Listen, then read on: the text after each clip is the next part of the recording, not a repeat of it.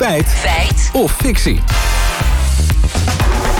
Over de staatsschuld van Italië. Ja, want vanmorgen in de Telegraaf stond er een column van Michiel Hogeveen, lid van het Europees Parlement namens Ja21.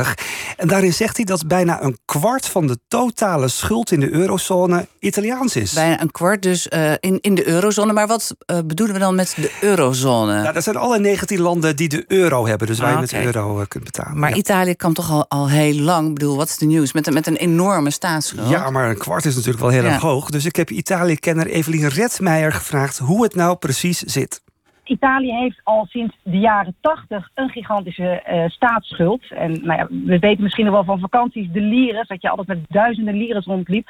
Italië was gewend om eindeloos bij te drukken. Nou, dat kan niet meer sinds ze in de euro zitten.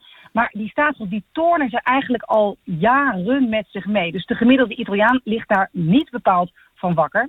Het is wel dat Italië al jaren belooft aan de uh, Brussel, aan de Europese Unie, om die staatsschuld naar beneden te brengen. Ja, volgens Bert Colijn, eurozone-econoom bij de ING, heeft Italië sinds het begin van de eurozone vooral een probleem met economische groei. En omdat de staatsschuld altijd als een percentage van de totale economie gemeten wordt, is het heel moeilijk gebleken om daar die staatsschuld naar beneden te krijgen. Wat we zien is dat Italië uh, zich eigenlijk uh, uh, netter aan begrotingsoverschotten heeft gehouden. Dus dat ze wat meer overhouden dan, dan dat ze uitgeven. in de afgelopen jaren ook dan landen als, als Nederland bijvoorbeeld. maar dat doordat de economie niet gegroeid is, dat niet gelijk heeft tot lagere staatsschulden. Sterker nog, we hebben gezien dat de staatsschuld sterk aangetrokken is ten tijde van corona. waardoor we nu op een, op, een, op een heel hoog punt uitgekomen zijn. Ja, en hoe hoog is dat punt dan? Nou, volgens Bert Colijn is het inderdaad bijna een kwart van de totale schuld in de eurozone. Het is uh, iets meer dan 22% van het totaal ongeveer. Um, en dat is, uh, dat is iets meer dan proportioneel, want Italië is natuurlijk ook een groot land in de eurozone. Het is de derde economie.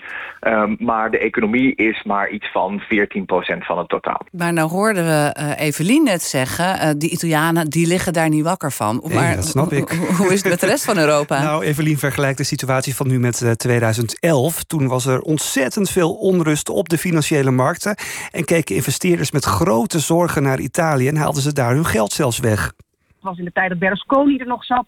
En die werd eigenlijk onder druk van die financiële markten en ook van andere Europese leiders. Uh, werd hem verzocht met klem om uh, terug te treden. Toen kwam er een technische regering. En ja, dus Italië is gewoon een hele belangrijke economie in de eurozone. En Italië is kwetsbaar door die grote staatsschuld. En als er nu weer politieke instabiliteit komt... of een regering die het niet zo nauw neemt met de Europese regels... dan is de kans groot dat de markten daar weer heftig op gaan reageren. En zouden we kunnen afstemmen op een nieuwe eurocrisis. En denk je dat, dat een nieuwe regering, jij of, of iemand anders, dat een nieuwe regering daar verandering in brengt? Ja, volgens Evelien is uh, sinds de laatste regering vorige maand is gevallen, hè, toen Mario Draghi ja. premier was, bij Italianen echt de hoop vervlogen. Mario Draghi kennen we natuurlijk als de oud-president van de Europese Centrale Bank. Hij stond erom bekend om heel erg op die cijfers te zitten. Hij heeft ook altijd gezegd dat hij de staatsschuld naar beneden zou krijgen de regering is gevallen. Eind september gaan de Italianen naar de stembus. En als je nu kijkt wie er het hoog staan in de peilingen, dan zijn dat vooral de rechtse partijen.